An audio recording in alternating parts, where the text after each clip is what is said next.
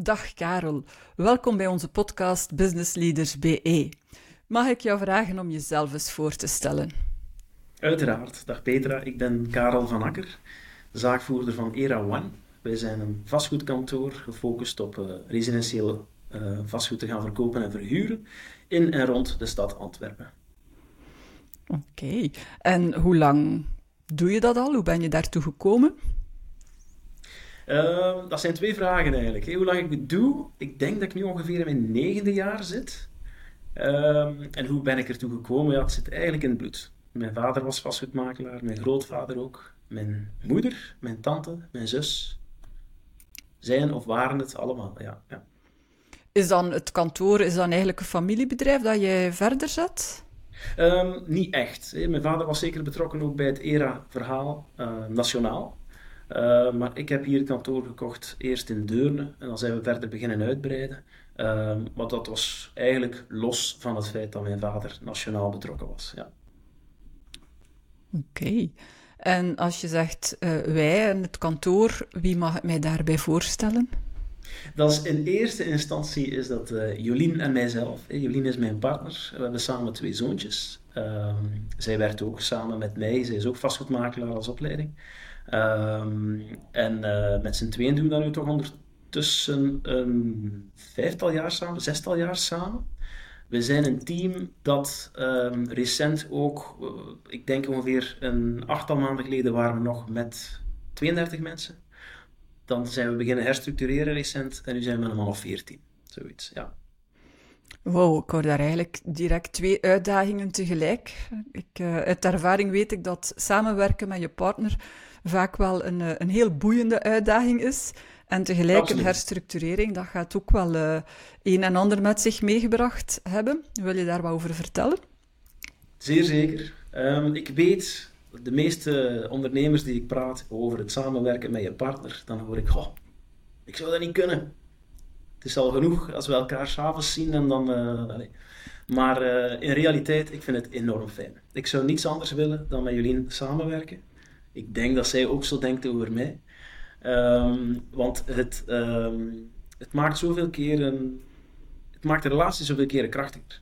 Niet enkel op het persoonlijk vlak, uh, ook emotioneel, ook uh, professioneel, ook op vlak van um, zelfontplooiing en van groei. Um, Joline is namelijk iemand die zeker haar blad niet voor de mond neemt als ze denkt dat kan verbeteren. Um, stom voorbeeld. We hadden een meeting nog ergens vorige week en plots thuis hoor ik van Jolien dat zij zegt, ja Karel, in die meeting wordt wel nogal kort. En uh, uw, uw opinie stond precies nogal vast. Dat zou ik een beetje aanpassen. En natuurlijk, ja, je moet dat wel kunnen aanvaarden, opnemen, erover nadenken. En vaak heeft ze wel gelijk. Dus uh, dat helpt me, ik zal het zo zeggen. Ja, ja. ja. ja het zou natuurlijk mooi zijn als iedereen u die feedback kan geven. Maar uh, ik kan mij voorstellen, gewoon omdat je al partners bent, dat dat allemaal nogal wat ongezoutener en wat cruur zonder, uh, zonder ja. verpakking wordt gezegd. Hè? Ja, dat klopt. Ja. Dus, uh, ik werk ook samen met mijn man. En mijn man zegt altijd aan iedereen die met een partner in een bedrijf wil stappen, zegt hij van als je bereid bent van continu elke dag persoonlijk te ontwikkelen, dan moet je dat doen, maar anders niet. Dus voilà. ik herken het wel. Ja, absoluut. Um, je had het ook over een, eh, een soort herstructurering. Ja. Wat was daar uh, het gedachtegoed achter? Um, dan keer ik misschien nog beter een klein beetje eerder daarvoor terug om te gaan zien waarom het nodig was. In eerste instantie, de laatste drie jaar, waren we een veel groter bedrijf. En de laatste drie jaar was ik ook een, een ondernemer, een zakelijk leider, die voornamelijk keek naar groei, naar grotere omzetten, naar meer kantoren, naar meer mensen. Alsof dat, dat de waarde op zich ging gaan bepalen. Um, dus mijn definitie merk ik nadien. Hè. Um, mijn definitie van succesvol ondernemen voor mij was: hoe groter je bedrijf, hoe succesvoller. Hoe meer mensen je aanstuurt, hoe beter je bent. Um, hoe meer locaties je hebt, hoe, uh, hoe succesvoller. Dus dat was allemaal gelinkt aan meer. En dan begin je natuurlijk aan een, een soort van een, een, een zoektocht, een kweesten naar groei op die verschillende niveaus.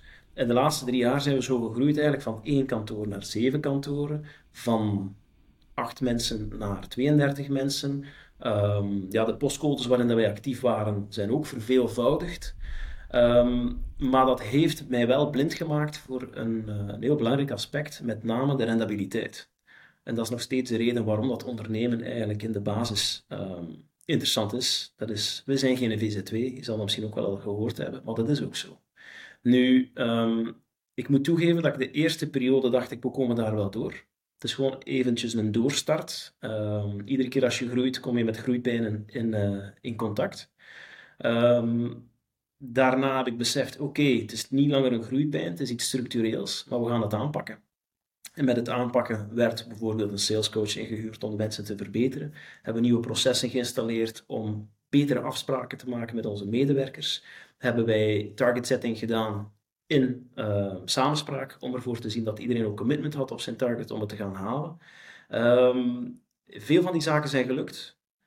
En toch is het ons niet gelukt om dat om te draaien en, en te groeien in omzet. En ook die rendabiliteit mee naar omhoog te gaan krijgen. Dus uh, een herstructurering drong zich op. Um, en ik moet toegeven dat de grootste um, reden waarom dat we daar pas zo laat mee gestart zijn, bij mij ligt. Ik was niet de persoon die ik moest zijn om echt door de bullshit te kunnen snijden en te gaan zeggen, jongens, dit gaan we niet meer doen. We gaan geen geld meer daaraan uitgeven. Niet meer nog meer marketing voor nog meer leads. Niet meer nog mensen binnentrekken die volledig van nul moeten opgeleid worden. Vanuit ons idee, ja, maar we moeten toch kunnen groeien, dus we hebben ook meer mensen nodig. Dus ik heb mijn, uh, mijn visie daarop uh, drastisch bijgesteld. En op heel korte termijn hebben we daar toch uh, wel wat aanpassingen gedaan. Dat is bellen met leveranciers, dat zijn geen leuke telefoons. Dat is bellen met verhuurders om te gaan zeggen, die kantoren gaan we stopzetten. Ook geen leuke telefoons. Dat is um, een kostuitoefening.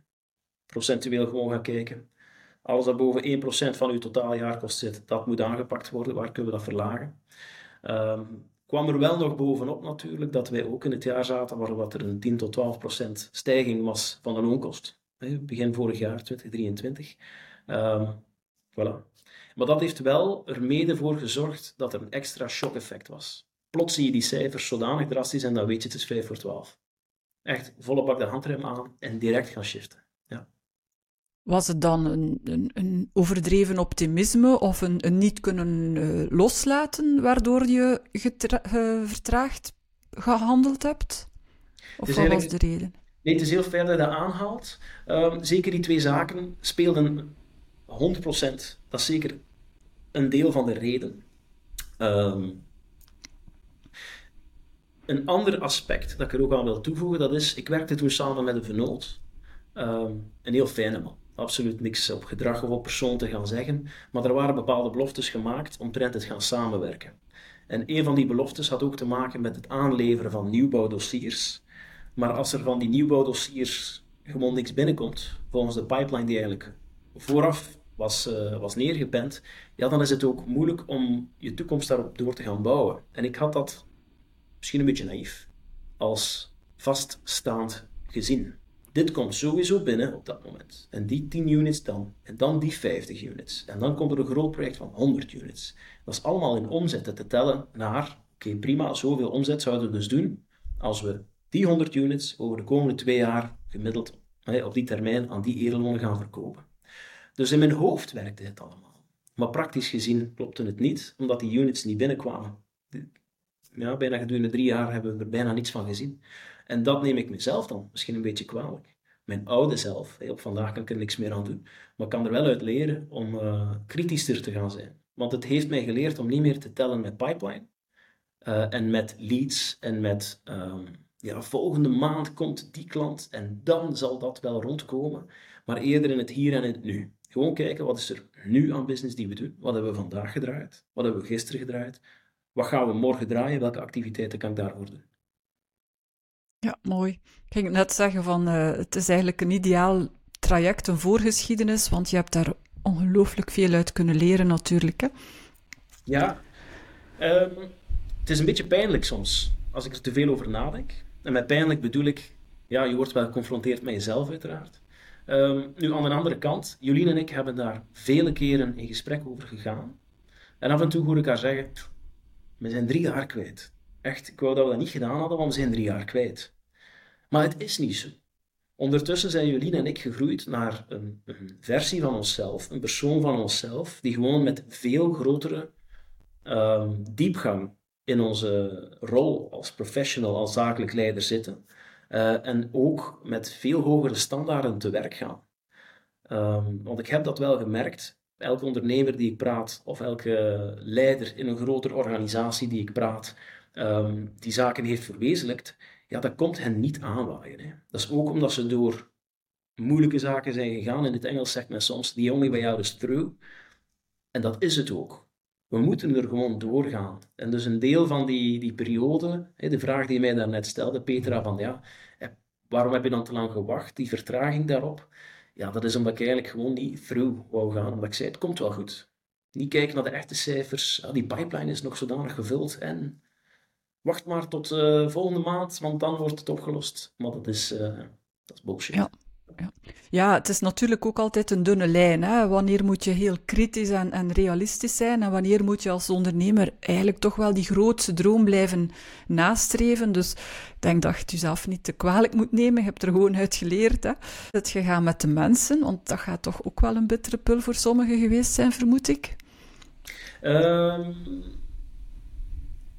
ja, ik kan natuurlijk in hun naam niet praten. Uh, we hebben veel gesprekken gevoerd met de mensen. We hebben een aantal mensen gewoon afscheid moeten nemen. Uh, heeft niks te maken eigenlijk met de persoon zelf. dat zijn allemaal fijne mensen. Personen met wie ik stuk voor stuk graag samenwerken en af en toe graag een pintje mee gaan drinken. Maar we moeten ook kijken naar de zaak. En de zaak heeft prioriteit en daarmee bedoel ik het team van mensen die het doet. Dat is waarschijnlijk zo in elk bedrijf, maar zeker zo voor Era One, voor ons bedrijf als vastgoedmakelaar. Wij leveren diensten. Wij hebben geen producten. We hebben geen voorraden. We hebben enkel contracten van klanten die zeggen: Karel en team, willen jullie dit aanbieden voor mij en op zoek gaan naar een koper? Dus, uh, of naar een huurder. Um, dus in dat aspect is onze business zo mogelijk nog meer gebaseerd en gestoeld op de capaciteit en competentie van onze mensen. Uh, over hun commitment ook. In welke mate stellen zij ERA One voorop om hun resultaten te halen? Want er zit een groot deel prospectie in. Er zit voor een groot deel opvolging in. En er zit voor een groot deel ja, service en responsiviteit in, die allemaal persoonsgebonden zijn. Ik kan niet naast elke persoon gaan zitten die tegenover een klant zit en zeggen: Nu moet je dit zeggen en nu moet je dat doen. Een product, ja, op, een productiebedrijf heeft ook zijn nadelen, maar bij een product kan je gewoon een blikje soep, is dat, is dat blik soep. En of je er één maakt, honderd, honderdduizend maakt, voor zover dat je die kwaliteit kan gaan garanderen, weet je ook, dat is het. En dat is bij ons wel uh, belangrijk geweest om dat mee te nemen in het gesprek wanneer dat we over de, ja, wat wij intern noemen, de diffusie hebben gepraat. Um, maar toegegeven, het was iets wat vele mensen al aanvoelden in het bedrijf. Dus er is heel snel wel een klik geweest. En dus het oude team, het team waarmee ik in de fusie ben gestapt, is nog volwaardig aanwezig. Meer nog, die zijn dat zijn mensen die individueel allemaal gegroeid zijn in hun rol. Ik ben daar heel trots op, op die mensen. Um, en bijkomend een aantal extra mensen die ook zeggen, ja, maar het verleden is verleden. Knip, dat is weg. Ik ben hier nu. Ik ben hier om nu te werken met Karel. En dat deed mij wel heel veel plezier. Ja, ja mooi. En hoe, um, je hebt nog altijd verschillende kantoren, dus ik vermoed dat mensen nog altijd een stukje verspreid zitten en sowieso bij klanten zit je naast. Hoe zorg je nu dat ze allemaal ja, de Era One spirit en, en cultuur uitademen? Heel mooie vraag. Dat is een vraag die ik mij wekelijks opnieuw stel van hoe kunnen we dat hoog houden. En ook daar weer moet ik eigenlijk terugkeren naar onze standaarden. Um, anderhalf jaar geleden heb ik standaarden gecreëerd, eerst zelf gezet. Um, op basis van, ik ben hier zaakvoerder-eigenaar. Waar wil ik naartoe met het bedrijf? En dat zijn standaarden zoals um, Iedereen is sales, dus ook administratie. Zelfs al hebben ze geen dagelijks klantencontact of moeten ze niet op de baan. Ook daar ligt heel veel saleswerk te gebeuren in de eerste contacten, in mensen die binnenkomen, in afspraken nakomen. Um, een andere van onze standaarden is ook, de klant wordt geholpen binnen 24 uur. Dat wil daarom niet zeggen dat we een oplossing gaan geven aan de klant binnen 24 uur, als dat niet mogelijk is binnen die periode, hè, door drukte, door verlof, door andere zaken, maar dat we tenminste reageren. Hey, communicatie daarin is zo cruciaal.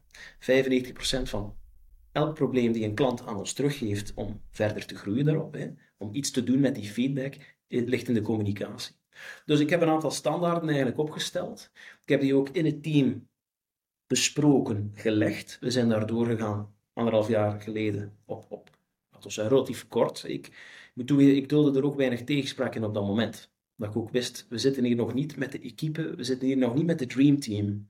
Als ik feedback krijg op, op standaard 2, hè, bijvoorbeeld over die reactie binnen 24 uur, dan denk ik ook, dan gaan wij niet heel lang samenwerken. Ik bedoel het niet verkeerd, maar dit is niet de toekomst als jij niet mee kan met het concept van dit zijn gewoon de standaarden die we als bedrijf voorop te stellen hebben om onze klanten te gaan helpen. Nu, um, fast forward naar vandaag. Op vandaag is dat iets wat we frequenter vastnemen, ehm, maar dan toegepast. Heel specifiek welk gedrag vertonen als een klant binnenkomt. Wat zeggen we als een klant een bezoekaanvraag heeft? Ja, dat is niet zomaar, ah, je wil een bezoek, prima, wanneer past het dan? Dat is goed, tot, uh, tot vrijdag 5 uur. Nee, dat is echt begin doorvragen om te gaan kijken, hoe kunnen we de persoon het beste gaan helpen? En niet enkel vanuit salesperspectief, maar ook de admin, want ook zij zitten in de sales, als je kijkt naar inkomende oproepen en andere zaken. Dus uh, het zijn door het zetten van die standaarden dat we eigenlijk meer een bedrijfscultuur hebben gegenereerd, die nu meer vanuit, ik wijs naar daar, want die mensen zitten daar, um, vanuit het team gebeurt, dan vanuit mij. Let op, ik corrigeer, ik stuur bij. Ik waak erover dat we heel frequent, of voldoende frequent tenminste, daar nogmaals over gaan. Als iemand nieuw start, dat hij ook meteen in dat bad zit. Maar het zijn wel de mensen die het individueel elke dag uitdragen. Ja. En hoe, hoe heb je hen concreet daartoe gebracht en hoe waak jij er zelf over dat dat blijft? Um, ja, als ik relatief gestructureerd, laten we dan zo zeggen. We hebben iedere vrijdag hebben onze vrijdagvergadering. En daar waar we eigenlijk in het verleden voornamelijk over cijfers gingen en leads en pipeline, hetgene wat leuk klinkt, maar niet altijd de realiteit is, praten we vandaag veel meer over uh, klanttevredenheid, kennis en kunde. Wat is er nieuw? Wat moeten we weten? Um, waar kunnen we onszelf nog aanscherpen? Waar hebben we nog niet de standaard gehaald als bedrijf die we wel nog moeten halen?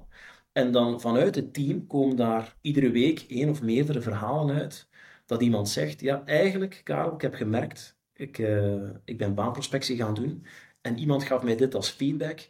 Ja, dat is wel nog niet die standaard. Ik zeg maar iets, een klant kwam binnen en die heeft vijf minuten moeten staan wachten aan de balie. Het was net op de middag en we waren met z'n drieën of vieren tegelijkertijd aan het eten. En dan moest er iemand vanuit de keuken komen.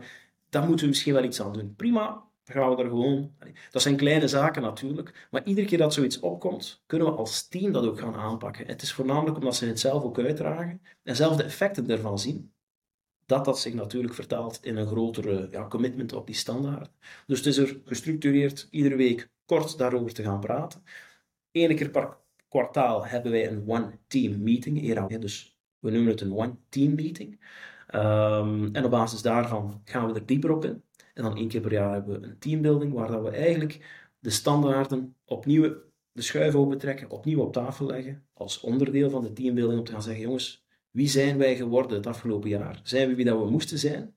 Hoe kunnen we nog aanscherpen? Wat is de volgende lat dat we voor onszelf gaan verhogen? Als het komt op, op cultuur en op samenwerken. Ja. Mooi. Je hebt al een paar keer over vandaag en de toekomst gesproken. Wat zijn nog de, de dromen en de uitdagingen die je ziet? Um, ja, ik kan niet zeggen dat ik die vraag niet verwacht had. En tegelijkertijd um, heb ik ook, net door die diffusie die relatief recent is gebeurd, mijn lange termijn visie, um, daarmee bedoel ik vijf jaar, tien jaar van vandaag, nog bewust niet uitgeschreven om mij echt in het hier en het nu te gaan houden. Om echt realistisch te blijven. Niet te beginnen dromen over, uh, over vijf jaar, als we dan uh, gans de Vlaamse markt, zo verder meer. Um, daar wil ik mezelf tegen mezelf ook gaan beschermen. Um, ik denk voor dit jaar is, ligt de focus op stabiliteit in het team gaan creëren. Um, en echt het worden van. Uh, dit zijn niet mijn woorden, wat zijn de woorden dat ik leen van, van iemand anders. Maar ik vond ze zodanig mooi dat ik ze zelf ook incorporeer. We worden een klein en een wendbaar schip met heel veel vuurkracht. Dus of wij nu met 30 mensen waren, dan waren wij een logge tanker die wel vooruitgang, vooruit ging. En hier en daar kon een klein beetje gaan bijsturen, maar met een logge tanker die eigenlijk al de verkeerde kant aan het uitgaan is, is het heel veel werk om die eigenlijk te gaan bijsturen. Daar waar we vandaag zitten we met een, een team dat bijna drie keer zo klein is, toch zeker de helft zo groot maar. En tegelijkertijd met mensen die individueel echt wel bijdragen, ook, ook meerwaarde gaan leveren. En het is heel fijn om met die mensen en in dat team ook te gaan samenwerken, want individueel kunnen ze heel veel werk verzetten en hebben ze heel veel capaciteiten. Dus dat is mijn, uh, mijn toekomstbeeld, korte termijn. Harder gaan werken op dat team en zelf er ook weer deel van gaan uitmaken. Want dat was mijn hindernis in het verleden ook. Um, ja, dat gaat misschien nogal persoonlijk zijn, maar ik kwam eerder vanuit een standpunt bij de fusie. I made it.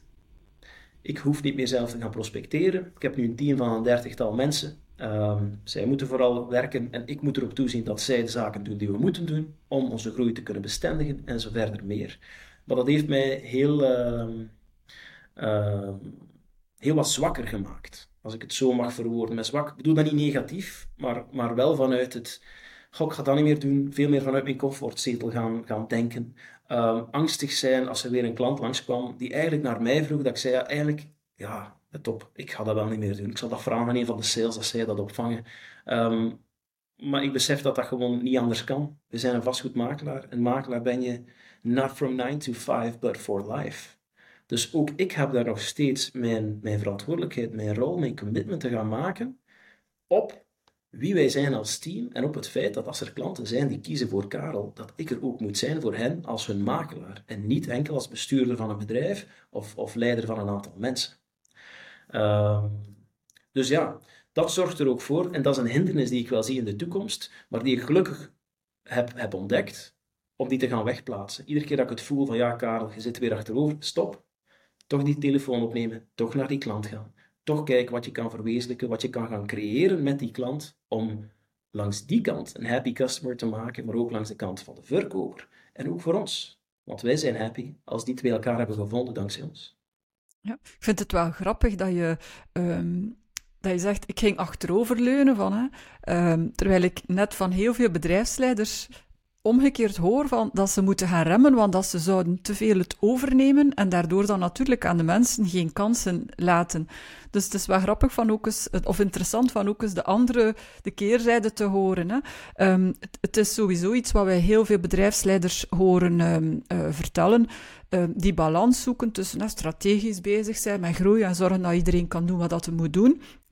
En anderzijds voldoende operationeel bezig zijn, zonder in dat operationele te gaan verdrinken. En, en zodat je, je bent, als je zegt van ja, Karel, is, is, Karel mag niet, denk ik, Erawan zijn. Erawan is het team. Hoe denk je dat je daar die, ja, die balans gaat in creëren? Dat ja, Karel een belangrijke factor is, maar dat, dat het team ook zonder Karel verder kan. Ik denk dat het tweede deel van wat je aanhaalt op vandaag al best goed zit. Daar heb ik zeker ook Jolien aan te danken, uiteraard ook de mensen in het team. Um, Jolien die operationeel heel sterk is. Uh, met operationeel bedoel ik, hoe gaan we best een bod gaan verdedigen? Hoe gaan we best een, een um, ja, bepaalde situatie gaan toelichten bij een klant? Positief. Of als het minder goed nieuws is dat een klant uh, of dat een koper toch door de mand valt, uh, omdat hij bijvoorbeeld geen lening krijgt en andere zaken. Dus echt, wat dat betreft, in de gesprekken zit Jolien heel sterk. Nu, van langs mijn kant zit dat veel meer in... Um, in, toch in die sales. Want je haalt het aan en zeg je van kijk, ja, het is grappig of het is interessant om te gaan zien. De meesten zeggen ja, ik mag niet te veel voorover en Karel, ik hoor je zeggen, je leunt een beetje achteruit. Ik weet dat mijn team heel veel aan kan. Ik weet dat mijn team ook individueel en autonoom kan werken. Um, het is vooral kwestie om mijzelf terug in dat team te gaan zetten en te gaan zeggen, als leider, daar ook te staan, ook eens aan de floor te staan en zeggen, jongens, we gaan dat hier aanpakken en ik draag hier ook mijn steentje bij. Het was te gemakkelijk om, als er iets binnenkwam, dat door te zetten. Nelly, doe jij dat? Lien, ga jij ervoor kijken? Michel, wat vind je daarvan? Zo verder meer. Dat is niet meer het geval op vandaag. Want we blijven wel nog steeds een vastgoedkantoor. Wat wil zeggen dat er nog steeds, en ik kom terug op wat ik zei daarnet ook, het blijft echt gaan om de mensen.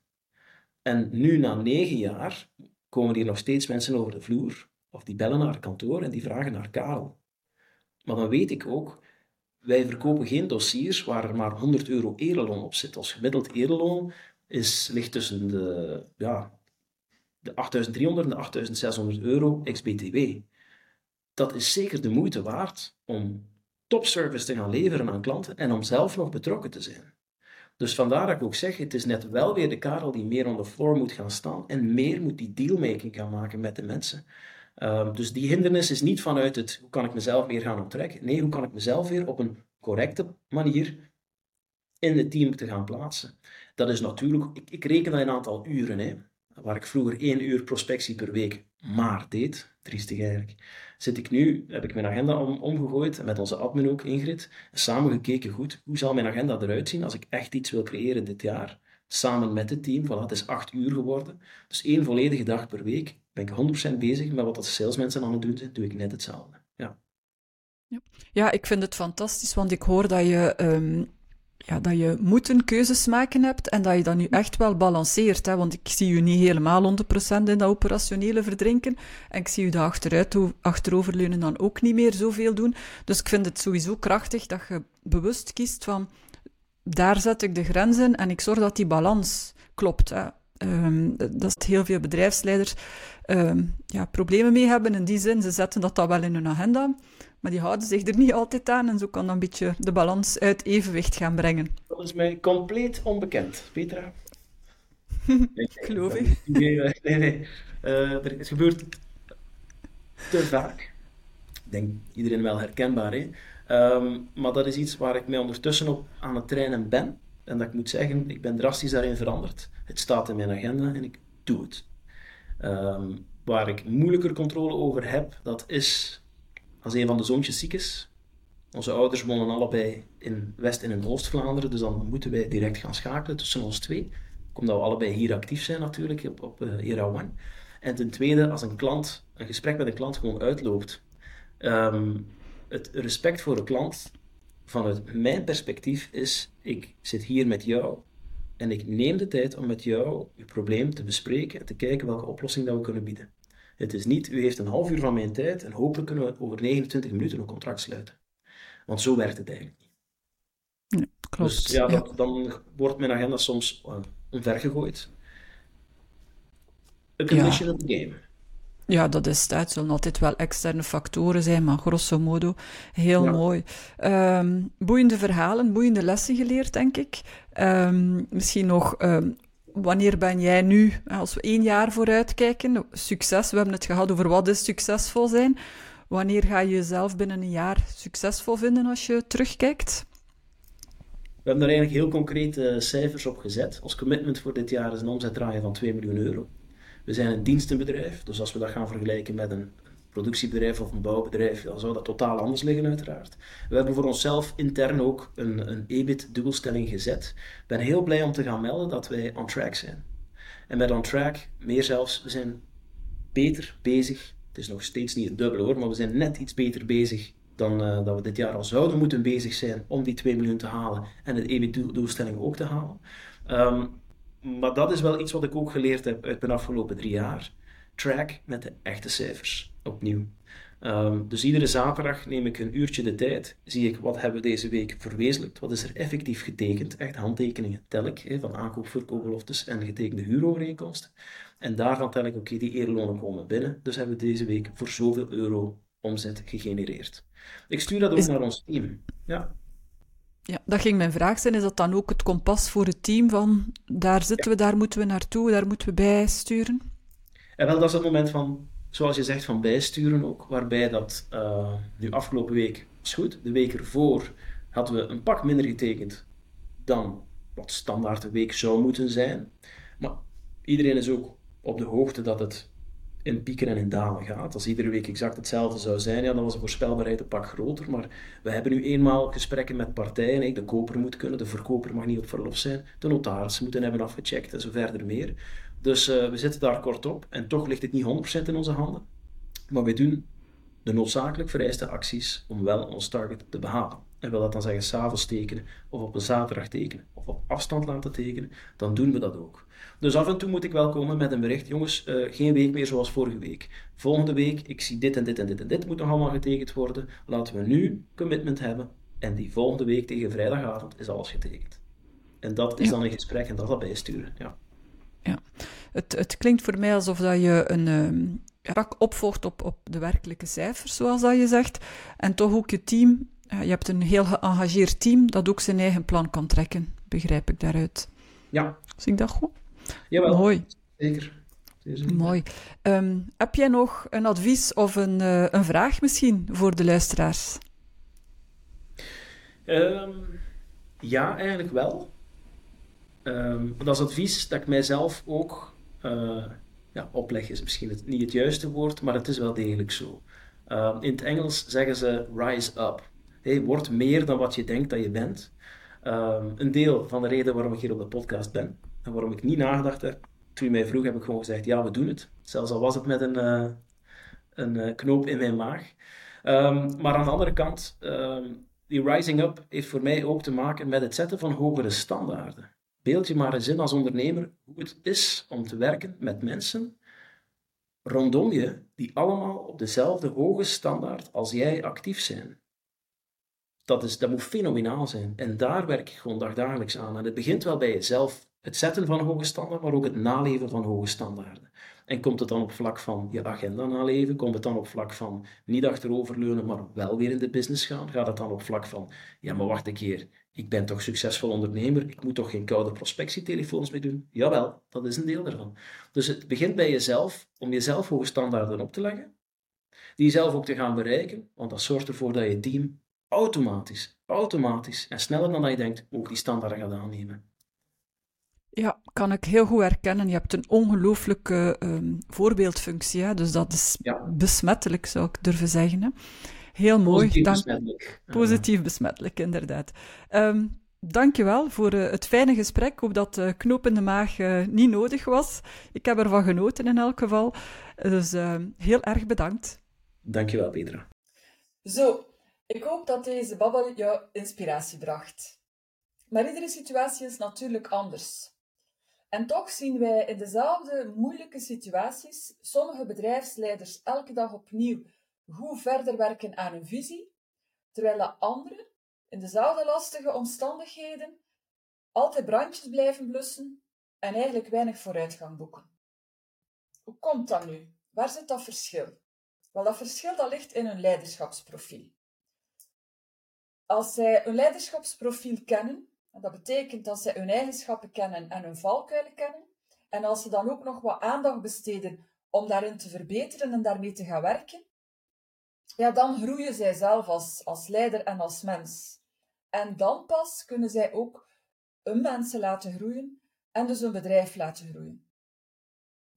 De moeilijkheid is natuurlijk dat zo'n leiderschapsprofiel bepalen, dat dat niet eenvoudig is om dat van jezelf vast te stellen, want iedereen heeft blinde vlekken.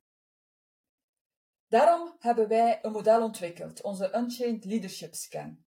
En we zijn heel fier dat er al bijna 3000 bedrijfsleiders daarmee een leiderschapsprofiel bepaald hebben en dat dat hun tot resultaten bracht die ze zelf niet hadden verwacht. Als luisteraar van deze podcast nodigen wij jou natuurlijk graag uit om ook jouw leiderschapsprofiel op te stellen. En in onze masterclass gaan we dan aan de hand van jouw leiderschapsprofiel gaan kijken hoe dat je die inzichten kan vertalen naar concrete groei en concrete acties, zodanig dat je met je bedrijf en je team samen verder kan groeien. Ga daarvoor naar intentive.be slash masterclass. Ik herhaal intentive.be slash masterclass. Dankjewel en tot gauw!